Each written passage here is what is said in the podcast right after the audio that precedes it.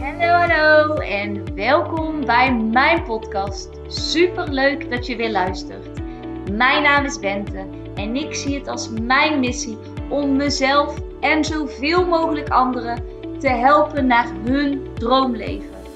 In deze podcast heb ik het over hoe je een succesmindset ontwikkelt, wat de wet van aantrekking is, hoe je deze voor je laat werken en hoe jij stappen kunt zetten richting jouw droomleven. Laat jij mij jou inspireren en ga jij mee op reis van persoonlijke ontwikkeling? Let's go Dio! Hallo, hallo en welkom bij weer een nieuwe podcast. Mijn naam is Bente en ik vind het super leuk dat je vandaag weer de moeite hebt genomen om te luisteren. En als je mij vaker luistert, dan is het je misschien wel opgevallen dat ik een dag heb overgeslagen. Oh my god. Ja, want ik heb de afspraak gemaakt om vijf dagen in de week ehm, te podcasten. En nu is het eigenlijk zo dat ik gewoon echt geen inspiratie had. En op het moment dat ik iets geforceerd eruit moet laten komen, dan werkt het niet. De afspraak blijft zeker wel staan. Dus dat betekent dat ik deze week of zeven of in ieder geval vijf uh, en één in het weekend uh, ga opnemen. Zes dan, inderdaad, als ik er één heb gemist. Goed zo, juffrouw. en in de podcast van vandaag wil ik het uh, wederom weer hebben over een inzicht dat ik kreeg van Teun Toebus.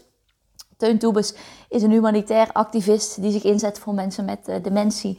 En die echt een boodschap heeft die iedereen zou moeten horen. Um, hij deed mensen mee. hij heeft zichzelf meer hij woont nu op een gesloten afdeling op een, ja, in een verpleeghuis, zeg maar, voor mensen met dementie. En ik ben twee keer al naar de film geweest, die ik echt iedereen zou aanraden. Human Forever. Echt, zoek de film op en ga er naartoe. En gisteren ben ik met mijn schoonouders en met een vriend, met Kevin, naar uh, een theatervoorstelling van hem geweest. En elke keer verbaas ik me weer door dingen die hij vertelt over hoe bepaalde dingen in de zorg gaan. Zonder met een vinger naar de zorg te wijzen, maar gewoon hoe hebben wij ooit bedacht uh, dat het normaal is? En daar heeft hij het ook heel erg over van, weet je, soms vraag ik me echt af van, wie is er nou gek? Is echt, ben ik nou gek dat ik dit allemaal denk? Of is echt het hele systeem gewoon, het, het, het sport gewoon niet, weet je? En dan denk ik van, ja, wow, dit is ook zo. En hij is super vooruitstrevend, heeft echt een andere visie. Maar als ik er dan over nadenk van, Oké, hoe gaat het eruit zien op het moment dat je in een verpleeghuis zit? Je mag geen eigen keuzes maken. Iemand anders bepaalt wanneer je eet. Iemand anders bepaalt wanneer je naar bed gaat. Iemand anders bepaalt wat je aandoet. Iemand anders bepaalt naar welke wc je gaat. Er is een andere wc voor bezoekers en bewoners. Um, er mogen uh, geen echte planten staan. Er mag geen kleedje liggen in verband met valgevaar. Uh, de vloeren zijn overal glad. Wat zou moeten helpen dat ze minder zouden vallen. Maar op het moment dat ze dan uit hun verpleeghuis komen, zijn ze dus niet meer gewend om op andere ondergronden te lopen en vallen ze in één keer vaker. Uh, ze mogen geen echt kaarslicht hebben, want gevaarlijk. Ze mogen niet elke dag een biertje, want iemand anders bepaalt. En gewoon, je mag niet naar buiten wanneer iemand het wil. Uh, op het moment dat je dat wel doet, wordt er een risicomelding van jou gemaakt. Sommige mensen zitten vast met een band aan hun bed of met een band in hun rolstoel. Nou echt, ik krijg de rillingen. Dan denk ik van, serieus, wat, waar zijn wij in een welvarend land als Nederland? Hoe kunnen wij hebben bedacht dat dat een goed idee is? En nou is die band wellicht afgeschaft. Nou zit er een push-knopje op die al die mensen vanwege hun vermindering in kracht en omdat ze totaal niet geprikkeld worden, kunnen zij die niet meer openmaken. Nou, dan is het dus zo in Nederland, oké, dit wordt echt een rent, ik voel het. In Nederland is het dus zo dat gevangenen meer rechten hebben dan iemand in een verpleeghuis. Een mens zoals jij en ik, waarbij het 1 op de 5 kans is dat jij of ik daar ook gaan belanden. Of in ieder geval dementie gaan krijgen. En dan zit je gewoon opgesloten. Letterlijk en figuurlijk. Want de deuren zijn dicht. Sommige mensen zitten zelfs in een gordel. Iemand anders bepaalt alles voor jou. En op het moment dat iemand anders alles bepaalt voor jou, voor jouw tussen haakjes veiligheid, Waar is jouw levensgeluk dan? En waarom, en dat zegt hij ook, waarom kijken wij als, allemaal, kijken wij als mensen allemaal weg, want wij zijn het systeem, totdat, we, totdat het voor onszelf zover is. En dat wil hij eigenlijk zichtbaar maken van hallo? Ik weet niet, maar wij gaan ook ooit zo oud zijn. En wij moeten nu voor die mensen, wij zouden ze juist moeten beschermen. En nu doen we juist alsof het gekke mensen zijn die smullen van alle planten in de kamer opeten. Ja, oké, misschien proeven ze een keer van een plant. Nou, dan komen ze er vanzelf achter dat een plant niet lekker smaakt. En dan eten ze het niet meer. En ik weet niet of ik dat de vorige keer al had gezegd, maar ik vind heel veel dingen die hij vertelt van echt zie de mens achter het gedrag. Zie de mens en blijf de mens zien. Blijf beseffen dat het rijke mensen zijn met een rijke gevoelswereld. Het zijn mensen. En dit is ook waar ik het in mijn vorige podcast over had bij kinderen. Het zijn mensen. Ga ze niet betuttelen. Tuurlijk, je mag zorgen voor. Maar op het moment dat het naar verzorgen gaat, dan wordt het betuttelend, wordt het kleinerend. En dan kunnen mensen, voelen ze geen autonomie meer. Ze worden niet meer geprikkeld, ze voelen geen autonomie. Wat ervoor zorgt dat die mensen enorm snel achteruit gaan. De gemiddelde, leef, de gemiddelde levensduur nog in een verpleeghuis is dan ook maar 8 maanden. En zelfs Steun, hij is 24. Zelfs hij merkt verval, klachten aan zijn lijf vanwege de mate van weinig prikkeling en zo weinig beweging. En hij is 24. Besef. En nu lijkt het misschien, want ik word hier heel fel van, omdat ik hierop aanga en ik echt denk: oh, hoe doen we dit? Hoe kan dit als maatschappij? Hoe kan het dat we de mensen die zo kwetsbaar zijn, zo in de steek laten?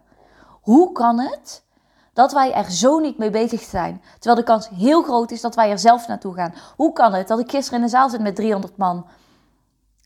Dat, of 400 man. En dat zes mensen later naar een verpleeghuis willen en alle andere mensen niet. Terwijl zeker 40 van ons daar zal gaan belanden. Wij willen allemaal keuzes maken en alle mensen willen keuzes maken. Dus er moet iets anders. En dat is wat, ook wat hij zegt. Anders denken is anders doen. Of anders kijken is anders doen. Kregen we mee op een tegeltje, super slim. Maar dat is ook zo. Op het moment, ik geloof dat zo, op het moment dat we hetzelfde blijven kijken, naar, hetzelfde, naar eenzelfde situatie, hetzelfde blijven handelen, naar eenzelfde situatie, dan zullen wij ook hetzelfde resultaat krijgen. En als wij een ander resultaat willen, zullen we op een andere manier moeten kijken. En ik vind het geluid wat hij brengt zo fantastisch. En ik sluit me daar zo bij aan. Want zo zegt hij ook van, ik wil lopen, lopen tot de vloer mij opvangt. En wat bedoelt hij daarmee? Hij bedoelt in Nederland kiezen we altijd veiligheid voor verantwoordelijkheid. En dan missen we eigenlijk het hele stukje levensgeluk. Want daarna had ik het er ook over met mijn schoonmoeder. Ik zeg, stel jij valt nu. Ik zeg, dan is het niet mijn verantwoordelijkheid. Ik zeg, stel jij valt over 20 jaar. Ik zeg, ook al loop ik met jou, dan is het nog steeds niet mijn verantwoordelijkheid. Ik zeg, je kunt het toch met elkaar afstemmen. Als jij graag thuis wil blijven wonen en jij zou daar dan vallen, dat het gewoon oké is.